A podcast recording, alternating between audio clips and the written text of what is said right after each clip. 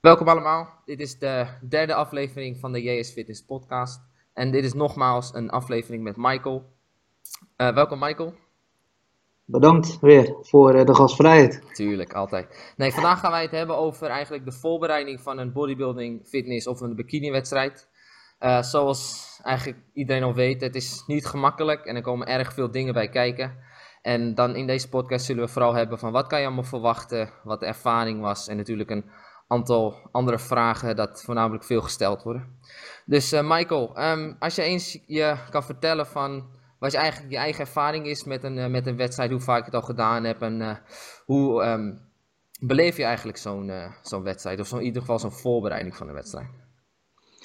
Um, ja, ik heb zelf nu vier wedstrijden, nee sorry, vijf wedstrijden gedaan. Mm -hmm. En ja, voor mij is het persoonlijk altijd best wel zwaar geweest. Je, ik, ja, ik heb gewoon altijd best wel druk leven. Ik heb gewoon een fulltime baan. Uh, doe coaching daarnaast heel erg veel. Steeds actiever.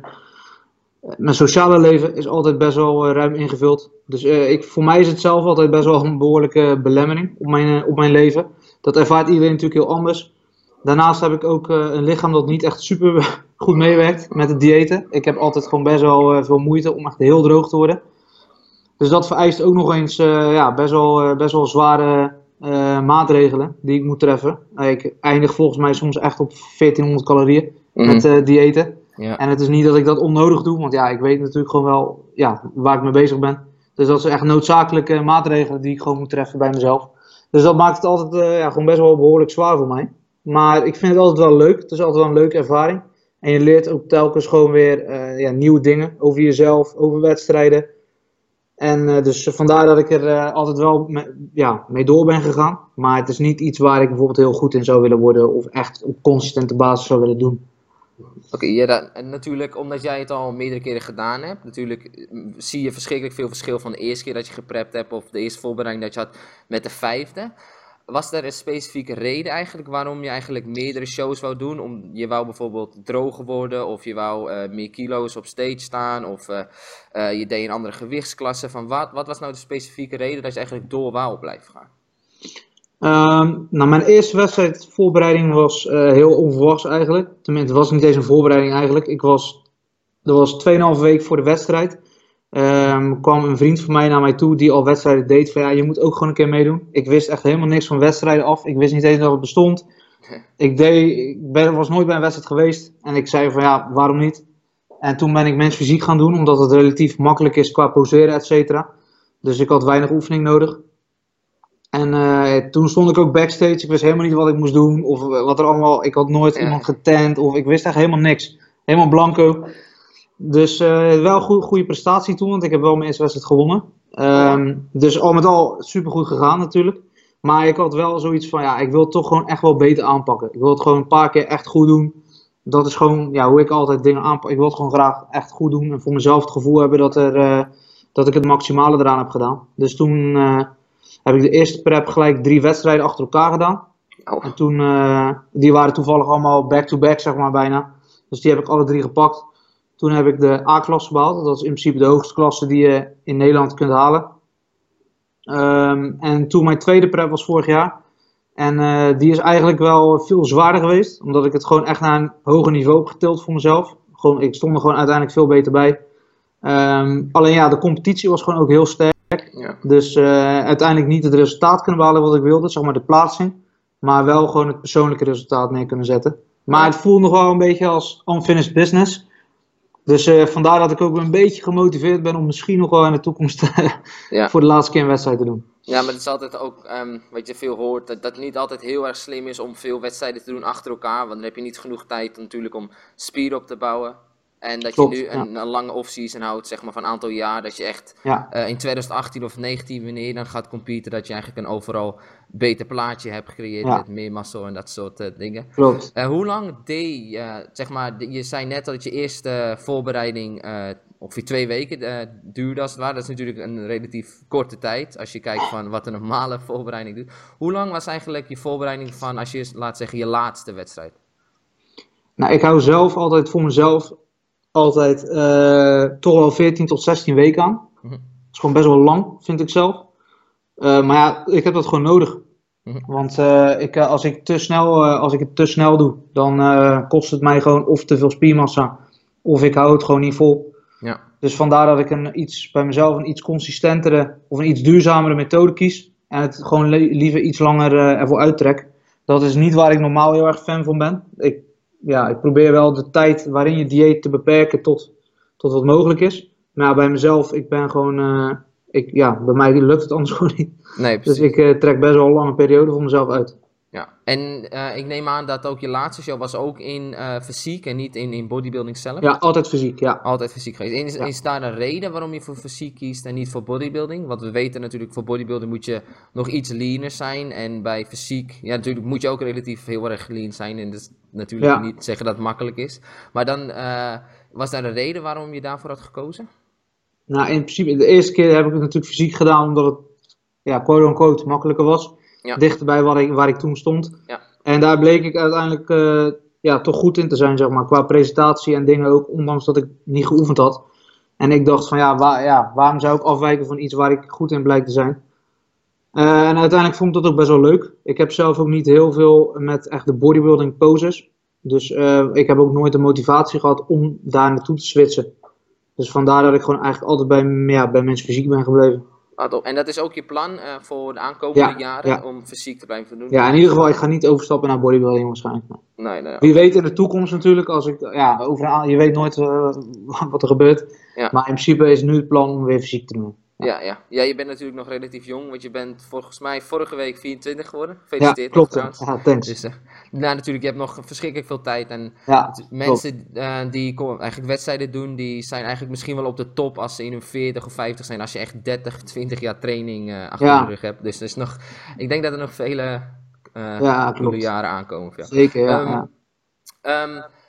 Als je kijkt, je hebt net gezegd dat je van ongeveer 12 tot 16 weken begint als je een eh, voorbereiding doet voor een wedstrijd. Ehm, is daar een specifieke reden waarom je dan eh, die tijd kiest? Natuurlijk, als je hoger in lichaamsvet bent, eh, kies je een relatief langere week, zeg maar meer weken. En als je natuurlijk wat, wat meer droger bent, dan kies je wat korter. Blijf je altijd in een bepaalde lichaamsvet of hoe bepaal je dat? Eh, voor mezelf inderdaad, ja, kijk, ik weet van mezelf dat het langer duurt, wat ik al zei. Dus dan pak ik gewoon altijd eh, rond de 16 weken wel. Ja. Bij mijn atleten probeer ik altijd wel dat ze rond een bepaald vetpercentage blijven natuurlijk. Zodat ze niet onnodig lang hoeven te diëten voor een wedstrijd. Ja, Eh, en het ligt natuurlijk ook aan wat voor klasse. Kijk, een bikini-atleet hoeft gewoon eh, minder droog te zijn dan een bodybuilder. ja, Dus voor een bikini is eh 16 weken best wel lang, ja natuurlijk. precies. Eh, Ja. Maar voor een bodybuilder is dat weer helemaal niet extreem lang, bijvoorbeeld. Dus het verschilt echt weer ook weer wat voor klasse, eh, hoe iemand zijn genetische, genetische aanleg is. Wat bijvoorbeeld bij mij heel erg eh, impact heeft. Dat kan bij anderen natuurlijk ook zo zijn. Dus dat zijn wel de factoren waar ik het meest op baseer dan hoe lang een prep zou moeten zijn, zeg maar. Oké, ja, dat snap ik natuurlijk. Ehm, als we kijken naar gewoon het gehele plaatje van als je een voorbereiding eh, begint, eh, wat zijn eerst de, de, eerste stappen dat jij neemt met je cliënt of bij jezelf? Van eh, wat manipuleer je? Doe je eerst de voeding, verander je de training, de cardio, doen ze meer steppen, zeg maar meer stappen? Of wat verander je op het begin? Ik denk dat het vooral, waar ik vooral denk ik op hamer is mindset. Ja, dat. Kijk, je gaat natuurlijk gewoon een periode in waarin het gewoon nog belangrijker is dat je strikt en consistent bent. Ja. Eh, als wedstrijdatleet doe je dat meestal wel. Want je doet, ja, je doet niet zomaar wedstrijden. Dan, dan ben je, heb je al een bepaalde consistentie en ja, een bepaalde striktheid, zeg maar. Maar dan is het gewoon nog belangrijker. Dus vaak eh, is het een beetje een change in mindset die ik wil initiëren. Door gewoon uit te leggen dat ja, de komende vier maanden gewoon wel echt zwaar gaan worden Ja, wel heel belangrijk ook zijn voor het resultaat. En dat de mindset die bij komt kijken, ja, moet gewoon net even weer een tikkeltje eh, aangescherpt worden. En daarna, ik moet zeggen dat ik bijna niks aan training eh, verander tijdens prep. Vooral niet in het begin, eigenlijk niks. En voeding, eh, ik ben niet zo fan van in één keer een hele grote pak calorieën naar beneden doen. Maar ik doe meer eigenlijk eerst eh, rond maintenance, iets daaronder. Meer om eigenlijk ook weer te wennen aan het feit dat je minder Ja. gaat eten. Ja. eh, vetverlies initiëren. Het is ook niet zo dat je natuurlijk binnen twee weken, ook al eet je duizend calorieën, je zal nooit binnen twee weken 10 kilo afvallen. Dat is fysiologisch niet mogelijk. Dus sowieso heeft het geen zin om een hele kwak in één keer naar beneden te doen. Dus ik ben in het begin fan van conservatieve wijzigingen. Om ervoor te zorgen dat die mindset weer omgeschakeld wordt. Dat je weer in het proces komt. En vanuit daar kijk ik hoe het lichaam reageert en welke wijzigingen dan verstandig zijn om te maken. Ja, dus eigenlijk op een uh, wekelijkse basis uh, krijg je eigenlijk als het ware feedback van je, van je cliënten. En natuurlijk op de wegingen of energielevels of van hoe het dan de, de, eigenlijk hoe het gaat in de sportschool pas je eigenlijk dingen aan. Of meer, meer calorieën naar beneden, of uh, meer cardio. En natuurlijk als ze de hele mindset in orde hebben, dan kan je eigenlijk beginnen om alles naar beneden te hebben, als ik het zo goed begrijp. Ja, klopt, ja. Ja, ja. klopt. En meestal na de eerste twee weken ga ik dan echt calorieën schrappen. Dus dan gaan we echt in een deficit, in een uh, negatieve energiebalans.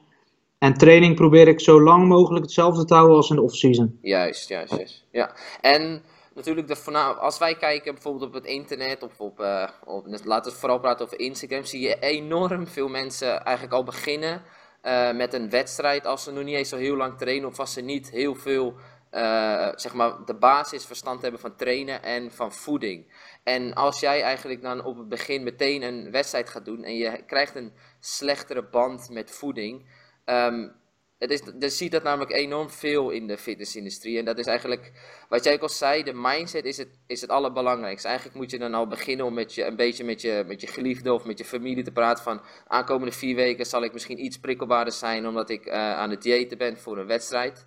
Um, heb je dat veel ervaren? Krijg je veel vragen van mensen die eigenlijk al na een korte tijd te vullen uh, voorbereiden voor een wedstrijd? Um, ja, de hoeveelheid mensen die uh, wedstrijden willen doen, die, uh, verbaast, die zal je verbazen inderdaad, denk ik. Ja. Ik krijg zoveel berichten van mensen die een wedstrijd willen doen. Mm -hmm. um, en ik vind dat natuurlijk prima. Kijk, mijn taak is uiteindelijk niet om uh, te bepalen hoe jij je leven leidt, hoe iemand zijn leven leidt. Maar ja, ik, ik vind wel dat ik een bepaalde verantwoordelijkheid heb om iedereen uit te leggen wat een wedstrijd inhoudt. Ja. En wat de negatieve aspecten zijn die daarbij komen kijken. En uh, kijk, naast het feit dat heel veel mensen het willen, wij zien natuurlijk alleen maar uiteindelijk de mensen die op het podium staan. Dus het Ja. lijkt zo dat iedereen die een wedstrijdvoorbereiding start, het ook haalt, zeg maar, het einde. Maar dat is echt verre van de waarheid. Ja. Ik denk dat zelfs, er zijn duizenden mensen, iedere wedstrijd weer die afvallen. Met hem, eh, met hem, die het gewoon niet halen. Alleen die zien wij nooit, die horen wij nooit natuurlijk. Dus Mhm. dat is sowieso echt eh, heel onrealistisch om te denken dat iedereen het haalt. En dat er zo weinig mensen een wedstrijd maar willen doen. Want er zijn veel meer mensen die een wedstrijd willen doen. Die nog helemaal lang niet bezig zijn met trainen, met voeding. En die daardoor gewoon afvallen. Ja, zijn er ook dan mensen die, eh, waar je dan op het begin een soort eh, Skype-gesprek mee houdt en dan na een tijdje gewoon, heb je hem eigenlijk al leren kennen, of zij of, hem, eh, dat je dan gewoon zegt tegen hem gewoon eerlijk van, ik denk dat jij nog niet klaar bent voor een voorbereiding van een wedstrijd en het lijkt me meer verstandig om eh, een jaartje meer gewoon eh, de, je mindset te veranderen, een goede relatie met voeding te krijgen, een betere eh, ehm, begrijping van, van, van trainen zelf. Heb je dat wel eens gehad? Ehm, acht van de tien mensen die bij mij een wedstrijd aanvragen, die, die zijn er niet klaar voor. Dus En dat dat- zeg ik dan ook. Gewoon een vrouw. En, en hoe accepteren ze dat? Of zijn ze ermee eens? Of worden ze dan boos? Of... Nee, ja, kijk, ik zeg natuurlijk gewoon altijd heel eerlijk dat het mijn mening is. Ja. En eh, mijn mening heeft een bepaalde waarde. Hè, omdat ik, ik heb een bepaalde ervaring in deze sport. En als coach, maar ook als atleet. En met die ervaring en die kennis kan ik een bepaalde mening vormen die wel een waarde heeft. Maar het is nog steeds een mening. Ik kan er ook natuurlijk gewoon een keer naast zitten. Dat Ja. gebeurt. Dus eh, ik geef altijd wel duidelijk aan van mijn mening is dat jij nog niet klaar voor bent. En dan geef ik ook gewoon goede argumenten waarom. En als zij dan vaak, als zij dan inderdaad mijn argumenten eh, aanhoren, dan zijn ze het er vaak ook zelf mee eens. Ja. Sommigen zijn het er niet mee eens, maar dat is natuurlijk iemands goed recht. Eh, meestal gaan ze dan op zoek naar een andere coach, omdat je natuurlijk graag wil werken met iemand die 100% in jou gelooft. Ja. Maar er zijn ook wel mensen geweest die een wedstrijdvoorbereiding met mij starten, terwijl ik heb gezegd dat het nog niet het goede moment is. Of ja, dat het geen goed moment is. En die uiteindelijk toch wel gestopt zijn met de wedstrijdvoorbereiding. Maar aan de andere kant, er is, dan zou je misschien denken van eigen schuld. Maar ik respecteer dat wel, want iemand heeft wel zijn eigen ding gedaan, wat goed voelde. Eh, en uiteindelijk ook toegegeven dat het niet de beste keuze was. En het is niet koppig geweest om toch door te zetten, ondanks dat het eh, ja, niet is wat zij wilde, zeg maar. Dus Ja. ja, daar leer zij zelf denk ik ook eh, gewoon heel erg van. Dus een, ja, ik denk dat je enorm veel leert. Want je begint, ook al is het pas een relatieve korte tijd dat je eigenlijk begint aan een wedstrijd. Maar het zijn toch echt enorm veel dingen dat je eigenlijk opgeeft voor zo'n wedstrijd. Ja. Ehm, zijn er natuurlijk, zoals je weet, je hebt al meerdere wedstrijden gedaan. En het is zeker niet makkelijk, want er zijn verschrikkelijk veel dingen dat, eh, dat je eigenlijk tegemoet gaat komen. Wat is eigenlijk de voornamelijkste uh, eigenlijk negatieve aspect als je kijkt naar een wedstrijd? Wat vind je eigenlijk het, het naaste van zo'n wedstrijd? Wat is het kracht? Is het je mindset? Is het je energie? Of wat vind je het moeilijkste? Wat kunnen eigenlijk mensen verwachten dat eigenlijk sowieso het naar beneden gaat? Ja, naar beneden blijft. Ja, ja, ja. ja. nee, nee. dat ook, ja. Voor de mannen. Nee, nee, nee. Kijk, het is natuurlijk vooral het mentale gedeelte wat echt heel zwaar is. Ja. Ehm, en dat is, dat is voor iedereen anders. Maar het is wel gewoon echt zo dat het gewoon. Je gaat jezelf op je droogste punt, op je, hè, op je piekmoment, vind je jezelf er kut uitzien. Ja, en uh, tijdens je off-season, als je lekker veel aan het eten bent, et cetera, ben je gewoon tevreden met je lichaam. Terwijl Ja. je dan natuurlijk veel vetter bent dan op je piekmoment bij, in een wedstrijd. Ja. Dus uh, dat is natuurlijk, je bent totaal niet meer objectief over je eigen lichaam. Uh, het kan zijn dat je een laag zelfbeeld krijgt. De emotionele en psychologische struggles die erbij komen kijken, die kunnen gewoon echt heel heftig zijn. En ja, gewoon echt je leven bepalen een beetje. Je, je, je, wordt gewoon een beetje geleefd door de emoties die je, die je allemaal ja, beleeft. Dus dat kan wel echt heel heftig zijn, denk ik. Ik denk dat het fysieke wel zwaar is, maar niet onoverkomelijk. Mm. Ik denk dat het vooral het mentale, ja, gewoon het psychologische deel is, waar je gewoon heel sterk moet zijn. Want uiteindelijk is het gewoon echt competitief uithongeren, een wedstrijd. Ja. En wie de sterkste wilskracht heeft, doorzettingsvermogen en en maar wie ook wie het mentaal sterkst is, die, dat zijn meestal de winnaars. Ja, ja, ja, ja dat, dat zie je ook van dat je natuurlijk echt op als je één week zeg maar voor je wedstrijd, dan denken mensen van ik zie er niet goed uit. Omdat je echt zo'n beeld krijgt in je hoofd van uh, dit kan beter, dit kan beter. En natuurlijk de relatie met voeding.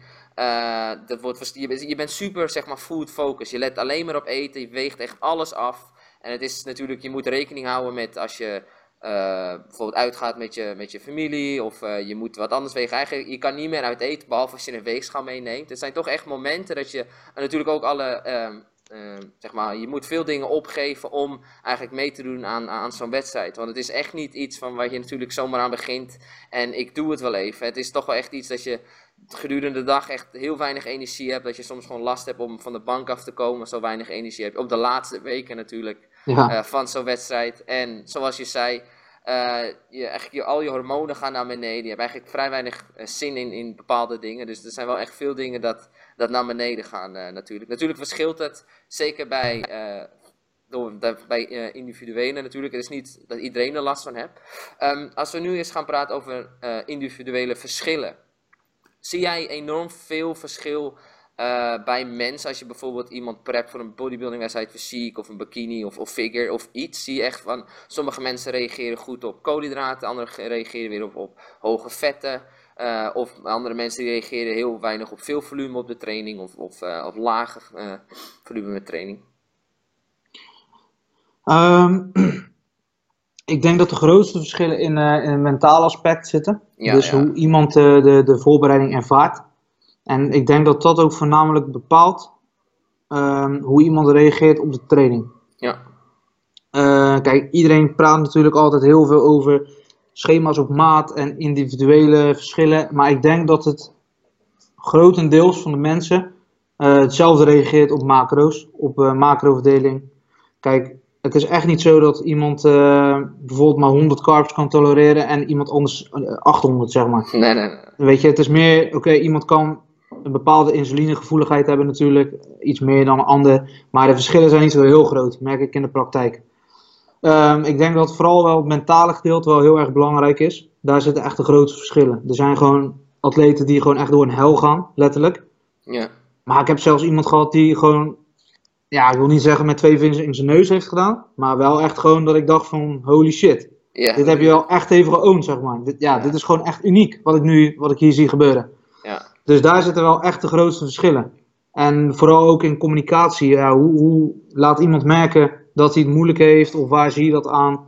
Daar zitten gewoon heel, ja, heel veel verschillen in, denk ik. Ja. en, en zeg maar wat je nu ook zei van de communicatie van je cliënten, van hoe vaak laat jij dan je cliënten eigenlijk uh, zeg maar melden bij jullie? Is het door een filmpje, laat je, of doen ze het door een e-mail? En vooral ook van natuurlijk, uh, als je in de 12 weken, hoe vaak uh, melden ze dan bij jou? En ook echt vooral de laatste week, eigenlijk de belangrijkste week. Nou, niet de belangrijkste week, maar de laatste week voor je wedstrijd. Ja, de laatste loodjes. Yes.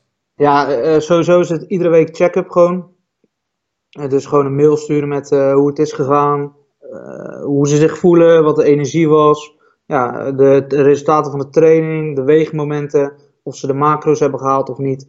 Dat is sowieso iedere week standaard. Daar, en dan kan ik natuurlijk weer updaten voor de week erop. Ja. En daarnaast hebben we één keer in de twee weken een Skype call.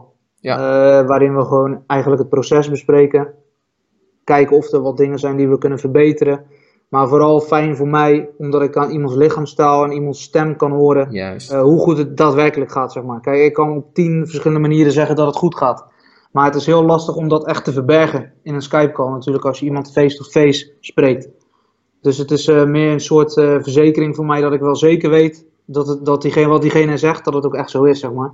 Ja. En voor diegene is het vaak een, ja, een wat lagere drempel om te vertellen hoe het gaat minder snel typ je dat in een mail. En het is wat makkelijker om dat zo uh, in de camera face-to-face te bespreken. Ja. Je krijgt, je krijgt veel meer uh, informatie krijg feedback, je van het ja. juist. Veel juist, betere feedback, ja. ja. Um, als we eens gaan praten over de peak week, oftewel de laatste week, de laatste loodjes wat je net zei. Um, zijn er veel dingen die jullie eigenlijk manipuleren? Zijn er dat jullie bijvoorbeeld uh, meer koolhydraten, of hoe zij het noemen, in koolhydraten stapelen of carb loading? Um, doen jullie daar wat mee? Of doen jullie dat op de dag zelf van de, van de contest? Of ligt het eraan hoe, hoe flat je bent of hoe je eruit ziet één dag van tevoren? Um, het hangt een beetje van de klas af en van de persoon. Ja. Als ik merk dat iemand. Uh, kijk, ik heb allereerst een soort een, een bepaalde richtlijnen waar ik naar kijk, natuurlijk, hoe iemand eruit ziet. Als iemand gewoon niet klaar is, dus niet droog genoeg is, dan manipuleer ik eigenlijk vrij weinig. En dan probeer ik gewoon zo lang mogelijk het dieet door te trekken. En dan net voor de show probeer ik er gewoon uh, toch nog een bepaalde review-dag te geven, zodat ze alsnog niet uh, te flat op het podium staan. Juist. Dat is nog nooit gebeurd, want ik, ja, uiteindelijk mijn taak is om diegene op tijd klaar te krijgen. Dus uh, ervan uitgaande dat het gewoon altijd lukt, zeg maar, is, doen wij, doe ik eigenlijk best wel veel in een peak week. Dat is best wel ja, uniek. Want heel veel mensen zijn altijd voorstander van het niet te veel manipuleren natuurlijk, omdat je ook riskeert, riskeert dat het fout gaat en je er juist slechter uit gaat zien. Ja. Uh, maar voor bikini-atleten die gewoon, uh, die in principe gewoon goed bijstaan en waar niks bijzonders voor nodig is, manipuleer ik vrij weinig. Uh, ik gooi het water meestal heel hoog, om ervoor te zorgen dat het lichaam zich adapteert aan een hoger waterniveau. En de nacht voor de wedstrijd kap ik dan acuut met water. Dus dan stop ik het water, zeg maar. En dan zie je vaak dat ze op de showdag nog heel veel uh, naar het toilet moeten om, om te plassen. Maar geen Ja. water meer nuttigen, waardoor het vochtgehalte gewoon gedurende de ochtend en nacht eigenlijk al daalt naar de Ja. wedstrijd toe. Ja. Eh, dus dat is eh, eigenlijk vaak het enige wat ik bij bikini-atleten doe. In combinatie met eh, een carbloading die twee dagen duurt. Ja. Zo'n twee dagen refeed als het Ja, dus eigenlijk gewoon twee refeed dagen. Twee redelijk hoge refeed dagen. Eh, bij een fysiek atleet, bij vrouwen, heb ik het wel weer, eh, is het iets agressiever. Dan is het bijvoorbeeld echt eh, drie dagen depletion days. Dus dan is het echt no carbs gewoon, nul carbs. Alleen sporen van uit groenten. Ja. En is het eh, donderdag, eh, sorry, vrijdag voor de wedstrijd, vrijdagochtend. Dus twee dagen uit is het depletietraining. Om echt Ja. de laatste restjes glycogeen te depleten. En dat is dan high reps of full body? Wat kan ik Ja, dus eigenlijk een soort circuittraining, waarbij je acht oefeningen, dus eigenlijk full body eh, training doet. En gewoon eigenlijk tot op het punt dat je bijna niet meer kan bewegen. Eh, en dan de laatste restjes, die doe je nog met wat cardio eruit Ja. halen. Ja. En dan gelijk na de training eh, doe ik eigenlijk een shake met, even, zeg maar het gemiddelde is ongeveer 100 gram dextrose en 40 gram whey. En dat is dan eigenlijk ter supercompensatie van je eh gedeplete state zeg maar, van koolhydraten. Omdat je lichaam dan natuurlijk de carbs gebruikt op de plaatsen waar het essentieel is. En dat is ja, in glycogeenvoorraden in de spieren, onder het meeste. Dus dan krijg, treedt er gewoon supercompensatie op. En vanuit, dan, vanuit daar begint eigenlijk de carbloading naar de wedstrijd toe. En ik ben zelf altijd voorstander van eh, ehm, eigenlijk op showdag wil je eigenlijk klaar zijn. Daar komt het eigenlijk op neer. Dus je, en dus je probeert eigenlijk al vrijdag, zaterdag, probeer je je volledige carbloading te doen. Zodat je zondag niks meer, bijna niks meer hoeft te eten. Alleen even wat punten op de i te zetten. Ja. Eh, dus die vrijdag en die zaterdag is het water ook gewoon nog echt heel hoog. Bij mij atleten altijd. Mannen drinken echt 10 liter per dag. Ja. Tot de dag voor de show. En vrouwen meestal 8, 8,5. Eh, omdat je ook gewoon vloeistof nodig hebt om je carbs eh, ja, naar de spieren te krijgen. Je hebt transport nodig, water, vloeistof. Dus carben zonder water heeft vaak helemaal geen zin. Dus, en aangezien je op showdag bijna niks drinkt, heeft het ook geen zin Ja. om echt keihard te gaan carbloaden op showdag. Want je hebt gewoon niks waarmee je het transport regelt, zeg maar. Zonder vloeistof ga je gewoon niks doen. Ja. En vaak is je bloeddruk ook wat lager op showdag, want je eet geen zout. Dus je vasculaire systeem is wat minder actief. Eh, dus ja, carbloading is gewoon minder efficiënt op showdag. En je riskeert gewoon meer dat er eh glycogeen of eh, glucose in je, in je lichaam zweeft zonder dat het daadwerkelijk opgenomen wordt.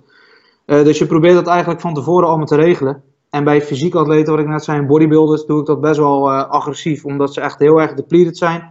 En dan twee dagen lang. En bij bodybuilders die boven de 80, 85 wegen, pak ik drie dagen carbload. Dus dan is de depletiedag één dag eerder.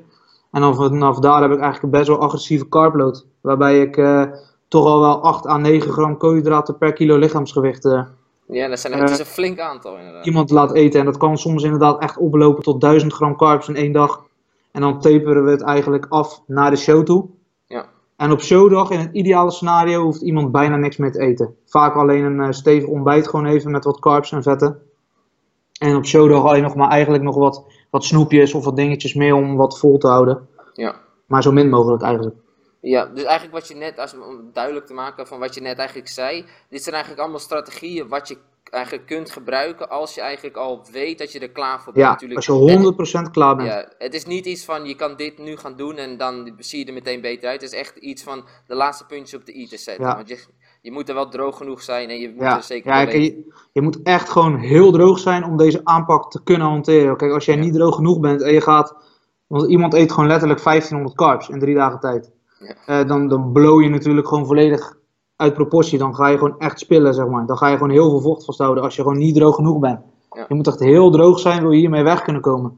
Dus Ja. het is natuurlijk wel een tactiek die echt puur gebaseerd is op de wedstrijdvoorbereiding die ik altijd ja, plan, zeg maar. Ik zorg er gewoon voor dat mijn atleten altijd heel erg droog zijn.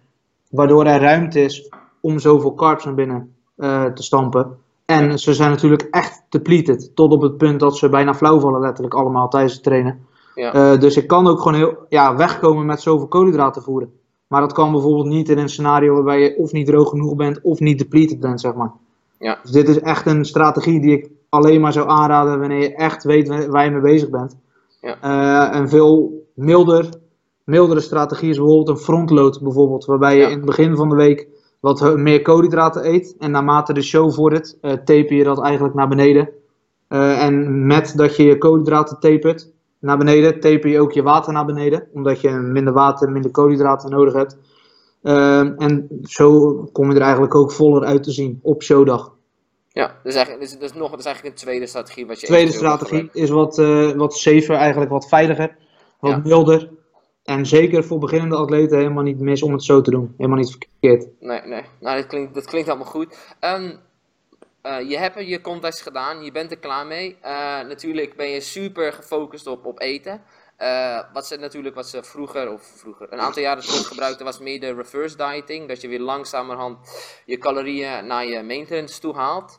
Ja. Maar tegenwoordig gebruiken ze eigenlijk meer de, de recovery diet. Wat eigenlijk de 3DMJ eh geïntroduceerd heeft. Van dat je meteen eigenlijk zo snel mogelijk weer vet eh gaint, als het ware. Zodat je toch weer wat gezonder eruit gaat zien. Ehm, wat voor strategie gebruiken jullie bij jullie cliënten? Ja, sowieso ben ik nooit fan geweest van de reverse eh, diet methode. Mhm. Ik heb dat zelf nog nooit gedaan. Tenminste, ik heb het geprobeerd. Eh, puur om te testen wat de uitkomst Ja. zou zijn. Ja. Eh, maar ik ben er totaal geen fan van. En dat was eigenlijk al op basis van logica die ik toepaste. Ja. met het bedenken van hoe die strategie zou uitpakken, is het natuurlijk eigenlijk al een, achterhaalde, een achterhaalde strategie. Omdat, ja, vind maar iemand die met eh, hele kleine stapjes zijn calorieën kan ophogen zonder echt eh, te bingen, zeg maar. Ja. Dat is gewoon echt heel moeilijk. Dan moet je wel zo bizar sterk zijn om dat mentaal aan te kunnen. En Ja. ik heb persoonlijk nog nooit iemand meegemaakt waarbij dat gelukt is. Dus ja, vandaar dat ik al altijd al mijn vraagtekens had bij die strategie. Dus ik, wat, wat je net al zelf zei, ik zorg ervoor dat de atleet eh, gewoon één à twee dagen echt helemaal vrije ruimte van mij krijgt. Ehm, ja, dat kan best wel eh, flink gaan. Eh, iemand kan best wel echt veel eten in zo'n dag en dan Ja. in paniek raken met hoe ze er dan uitzien. Ja, ja. Maar vaak besteed ik al best wel veel aandacht gedurende de prep om hun daarop voor te bereiden. Zeg maar. Mhm. Dus dan valt het eigenlijk achteraf best wel mee. En na die twee dagen geef ik zo'n eigenlijk macro's. En die, dat zijn eigenlijk macro's die eh, een educated guess van wat hun huidige onderhoud is. Zelfs iets daarboven. Dus ik ga ze eigenlijk in een kleine surplus zetten voor 1 à 2 weken lang. Meestal twee weken. Eh, dat doe ik omdat ze dan één meer ruimte hebben om nog steeds wel wat lekkere dingen te eten. En wat minder food focused hoeft te zijn. Dus ze kunnen ineens, natuurlijk vergeleken met hun dieetmacro's, kunnen ze heel veel. Eh, dus dat haalt wat van de druk af. Van de precisiedruk die je moet hebben om te, om te eten. Eh, en het zorgt er gewoon voor dat je inderdaad met een goede snelheid weer vet, vetmassa terugwint. En daardoor in een, eh, in een gezondere hormonale positie komt. Waarbij je ja, objectiever bent en ook wat stabieler emotioneel Ja. gezien. Waardoor Ja. je minder snel geneigd bent om te gaan bingen. En in Ja. zo'n spiraal te komen. Je wil eigenlijk zo snel mogelijk toe naar een situatie waarbij je gezond bent. Zeg maar. En na dat- twee weken dan eh, verlaag ik de calorie eigenlijk iets naar onderhoud. En dan zorg ik er weer voor dat het gewicht weer stabiel blijft. En vanuit daar beginnen we eigenlijk een off-season. En eh, doen we de calorieën gewoon wel stap voor stap zeg maar verhogen. Ja, het is ook, eh, als je kijkt naar de reverse dieting, als je eigenlijk bijvoorbeeld elke week 50 omhoog haalt, zonder, natuurlijk, je bent nogal heel erg full focused, en zonder te bingen, dat, het is natuurlijk een strategie wat veel mensen wel gebruikt hebben, maar als je, wat jij al zei, logisch na gaat denken, is het, is het niet, eigenlijk niet Nee. te doen. eh. En daarom is het eigenlijk meteen eh, proberen om een zo gezond mogelijk te worden. En natuurlijk, het is voor veel mensen heel lastig om je te weer zien van eigenlijk het, het, het droomlichaam wat je eigenlijk al wou naar meteen weer aankomen. Maar als- zoals jij ook al zei, het is een super goede strategie om gewoon al een aantal weken voor dat de wedstrijd is, eigenlijk deze strategie te bespreken om eh, eigenlijk elke eh, om verwarring te voorkomen als het ware. Ja, Dus dat ja is, en eh, dat is de grootste fout die gemaakt wordt door coaches gewoon nog steeds. Is dat ze na de wedstrijd een atleet zeg maar loslaten. ja. En dan, dan begint de shit eigenlijk pas. Want ja, kijk, als jij een wedstrijd in het vooruitzicht hebt, dan is het gewoon heel relatief makkelijk om gemotiveerd te blijven. Maar ja, als dat wegvalt, ja, welke motivatie heb je dan nog, zeg maar, om je soort in te houden? Dan, daar moet je iemand juist in coachen. Dat is de belangrijkste periode. Ja, dus eigenlijk gewoon ja, het, zeg maar het informatieve Ja. gedeelte voor een klein. Ja, dat Ja. ik zeker, zeker mee. Zodat iemand weet wat er na de wedstrijd gaat gebeuren, wat ze kunnen verwachten, eh, welke stappen je gaat ondernemen, waarom. En dan zie je dat het gewoon vaak gewoon heel goed gaat. Ja, ja, daar ben ik helemaal mee eens. Ehm, wat adviseer jij na een wedstrijd om na hoeveel maanden, hoeveel jaren eigenlijk weer op stage te gaan? Natuurlijk, eh, wat jij al zei, jij hebt meerdere wedstrijden achter elkaar gedaan. Eh, en je zal waarschijnlijk eh, misschien bij de aantal wedstrijden wat droog zijn geweest en natuurlijk beter uit zijn te zien. Maar wat adviseer jij aan de mensen na een wedstrijd om hoe lang in een quote-unquote in een off-season te zitten om spiermassa aan te komen? Ehm, ja, voor vrouwen, het ligt een klein beetje aan, aan niveau natuurlijk. Kijk, als jij gewoon echt al een goed niveau hebt en jij hebt gewoon in je prep wat steken laten vallen, waardoor je gewoon niet droog genoeg was bijvoorbeeld. Of je hebt een fout gemaakt in peak week, waardoor je punten hebt verloren. Dan is wat, natuurlijk wat anders, want dat betekent dat als je het een keer wel goed zou doen, dat je wel aan de prijzen zou kunnen vallen. Dus dan zou ik zeggen van ja, je kan relatief snel een wedstrijd doen en doe het dan deze keer goed. Eh, maar als jij gewoon echt merkbaar te weinig massa had, of te weinig, ja, gewoon de kleinste van het podium was. En eh, ja, dan zou ik gewoon zeker aanraden om minstens een jaar, 12 Ja. maanden off-season eh, te nemen. Ja. En gewoon echt te focussen op, op het groter worden, sterker worden, beter worden in de sport te beoefenen. En daarna pas weer aan, eh, aan een wedstrijd te gaan denken. Dus ook Maar het hangt je- natuurlijk- je, je zwarte, zwakke punten als het ware Ja. weer op te brengen. Ja, kijk, maar het hangt natuurlijk ook af van je instelling. Als jij zegt van ja, ik wil gewoon meedoen, ongeacht het resultaat, ik vind het gewoon leuk. Dan moet je het gewoon doen. Maar diep van binnen wil iedereen goed presteren. Eh, ondanks dat niet iedereen ervoor uitkomt, zeg maar. Dus ik zeg wel altijd van ja, wees jezelf gewoon wel echt van bewust dat als jij meerdere wedstrijden binnen een half jaar doet of zo, je gaat er gewoon telkens weer hetzelfde uitzien. Ja. Eh, je gaat in ieder geval niet significant, eh, significante progressie maken. Dat, en dat is, er zit ook wel een verschil tussen naturel en gebruikers natuurlijk. Ja. Eh, maar vooral voor naturel atleten is het echt heel belangrijk om te beseffen dat je echt heel veel tijd nodig hebt. voordat je verschil ziet tussen je eerste en je tweede wedstrijd bijvoorbeeld. Of tussen wedstrijden door. Gewoon echt heel veel, eh, daar heb je gewoon heel veel tijd nodig. Ja, het is niet iets ehm, dat je binnen een aantal weken al echt eh, super Nee. verschil ziet. Het is Nee, totaal niet. Nee, het is echt eh, jaren of maanden trainen, specifiek bijvoorbeeld meer volume in, in een of andere lichaamspart Ja. waar je eigenlijk op wil brengen.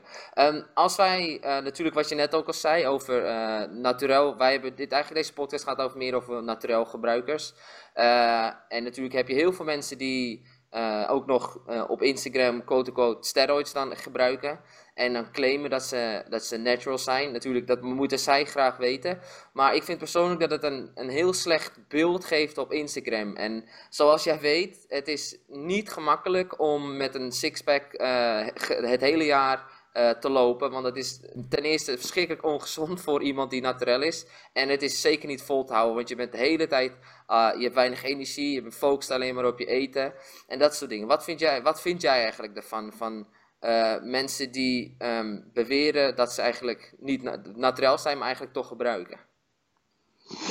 Ja, ja kijk, het, het is. eh, ik vind het. eh, ja, ik stoor me er niet aan, zeg maar. Maar ik vind wel dat het gewoon bizar is dat iemand oprecht denkt dat het grote publiek hem gelooft, zeg maar. Ja, Kijk, ik kan, niet, ik kan gewoon niet eh, benadrukken hoe eh, uniek het is, tegenwoordig nog, als iemand echt een voorbeeldfunctie heeft in de fitnessindustrie en naturel is. ja, Weet je, bijna iedereen die wedstrijden doet, gebruikt gewoon. ja, Bijna iedere atleet die echt eh, een paar honderdduizend volgers heeft, gewoon echt een voorbeeldrol heeft, die gebruikt gewoon. Het is gewoon echt uniek als iemand volledig naturel is. Ja. En dat is helemaal niet erg, want ik bedoel, alcohol in grote mate en andere drugs worden ook zeg maar geaccepteerd, sociaal geaccepteerd. Dus eh, performance drugs, zoals eh anabolen, ja, als jij dat wil doen, prima. Alleen, ja, je moet, er gewoon, je moet gewoon niet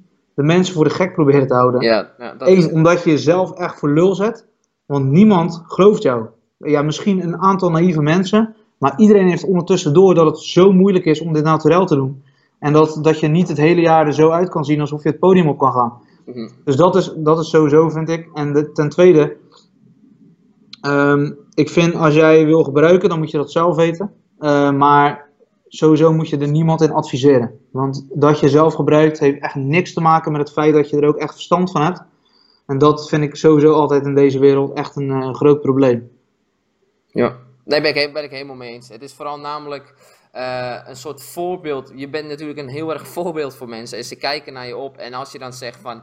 ehm, probeer deze, zeg maar, dit trainingsplan met deze supplementen. En je bent binnen 12 weken. zie je er Mhm. zo uit. Dat vind ik altijd. De marketing van mensen die steroids gebruiken. vind ik altijd eh, een beetje minder. Het is natuurlijk. ze verdienen er goudgeld mee. Ja. En, eh, en het is enorm, en het is een enorm succes. Maar soms is het wel erg jammer dat mensen naar me toe komen die eigenlijk een soort eating disorder gecreëerd hebben. Of eh, allerlei supplementen gebruiken, maar eigenlijk een voeding en training niet in orde hebben. En daarom willen ze eigenlijk steroids gebruiken. Dus daarom is het, is het soms wel heel lastig dat je dat ziet eh, in, de, in de industrie, als het ware.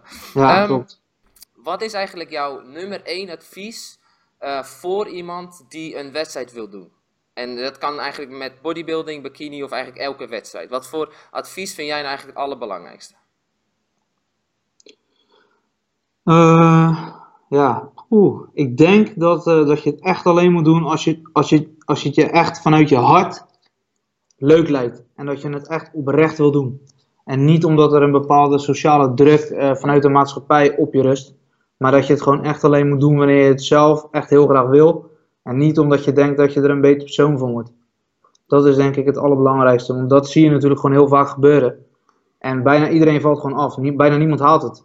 En dan kom je in zo'n negatieve spiraal. Waar het is zo moeilijk om daar uit te komen. Ja. Eh, dus het heeft gewoon zoveel gevolgen. Voor iemand die ne- eigenlijk net geen wedstrijd wil doen, maar het toch maar doet. Omdat het, ja, dan zie je er goed uit. En het lijkt me toch wel leuk om in de spotlight te staan. Die mentaliteit, zeg maar. Dat moet je echt voorkomen. Je moet het Ja. echt doen omdat het je een leuk sport lijkt. eh, en omdat je er een beetje goed mee in bent ook. Ja. Eh, dus dat is denk ik het, gewoon het allerbelangrijkste. Het is eigenlijk gewoon, je moet zeker weten dat je er plezier in gaat hebben en dat je het Ja. eigenlijk doet voor een, voor een goed doel en niet omdat je denk dat, er, dat je een soort verwachting hebt van bepaalde mensen. Ja, precies. Het moet ongeacht de neg alle negatieve aspecten die erbij komen kijken, moet het een positieve ervaring voor je kunnen Juist, zijn. Juist. En als dat niet het netto resultaat is, als dat niet positief is, dan eh, is de wedstrijd gewoon niks voor jou. Ja, nee, ik, ik ben het zeker mee eens. Eh, Michael, eh, ik wil je echt enorm bedanken. Ik denk dat het een eh, enorm leuke podcast zal zijn voor mensen die eventueel interesse hebben in een voorbereiding van een, van een wedstrijd. Ehm, waar kunnen mensen jou vinden? Op welke websites of, of iets anders? Jouw social media? Ja, onze website is www.guydroog.com. Eh, mijn Instagram is @michaelsavino. En mijn YouTube kanaal is eigenlijk ook gewoon Michael Savino. Daar post ik, probeer ik iedere week een vlog te posten omtrent voeding, training, lifestyle. En op Instagram ben ik eigenlijk gewoon iedere dag consistent eh, aanwezig. En eh, ja, heb ik het over van alles en nog wat. Wat eh, te maken heeft met voeding, lifestyle, training. Ik, ik, ehm, ik, sowieso, ik volg Michael nu al enige tijd. En informatie schrijft, schrijft hij eigenlijk op een hele makkelijke manier. Dat mensen het eigenlijk goed kunnen begrijpen. En dat ze dit kunnen aanpassen in hun eigen levensstijl, training of voeding. Dus ik raad zeker aan om Michael te volgen. En nogmaals, Michael, bedankt je wel voor de podcast. En hopelijk tot snel. En dan gaan we het nog eens hebben over een specifiek onderwerp. Ja, is goed. Jij ook weer bedankt en fijn weekend nog. En tot snel. Fijn weekend, man. Hoi.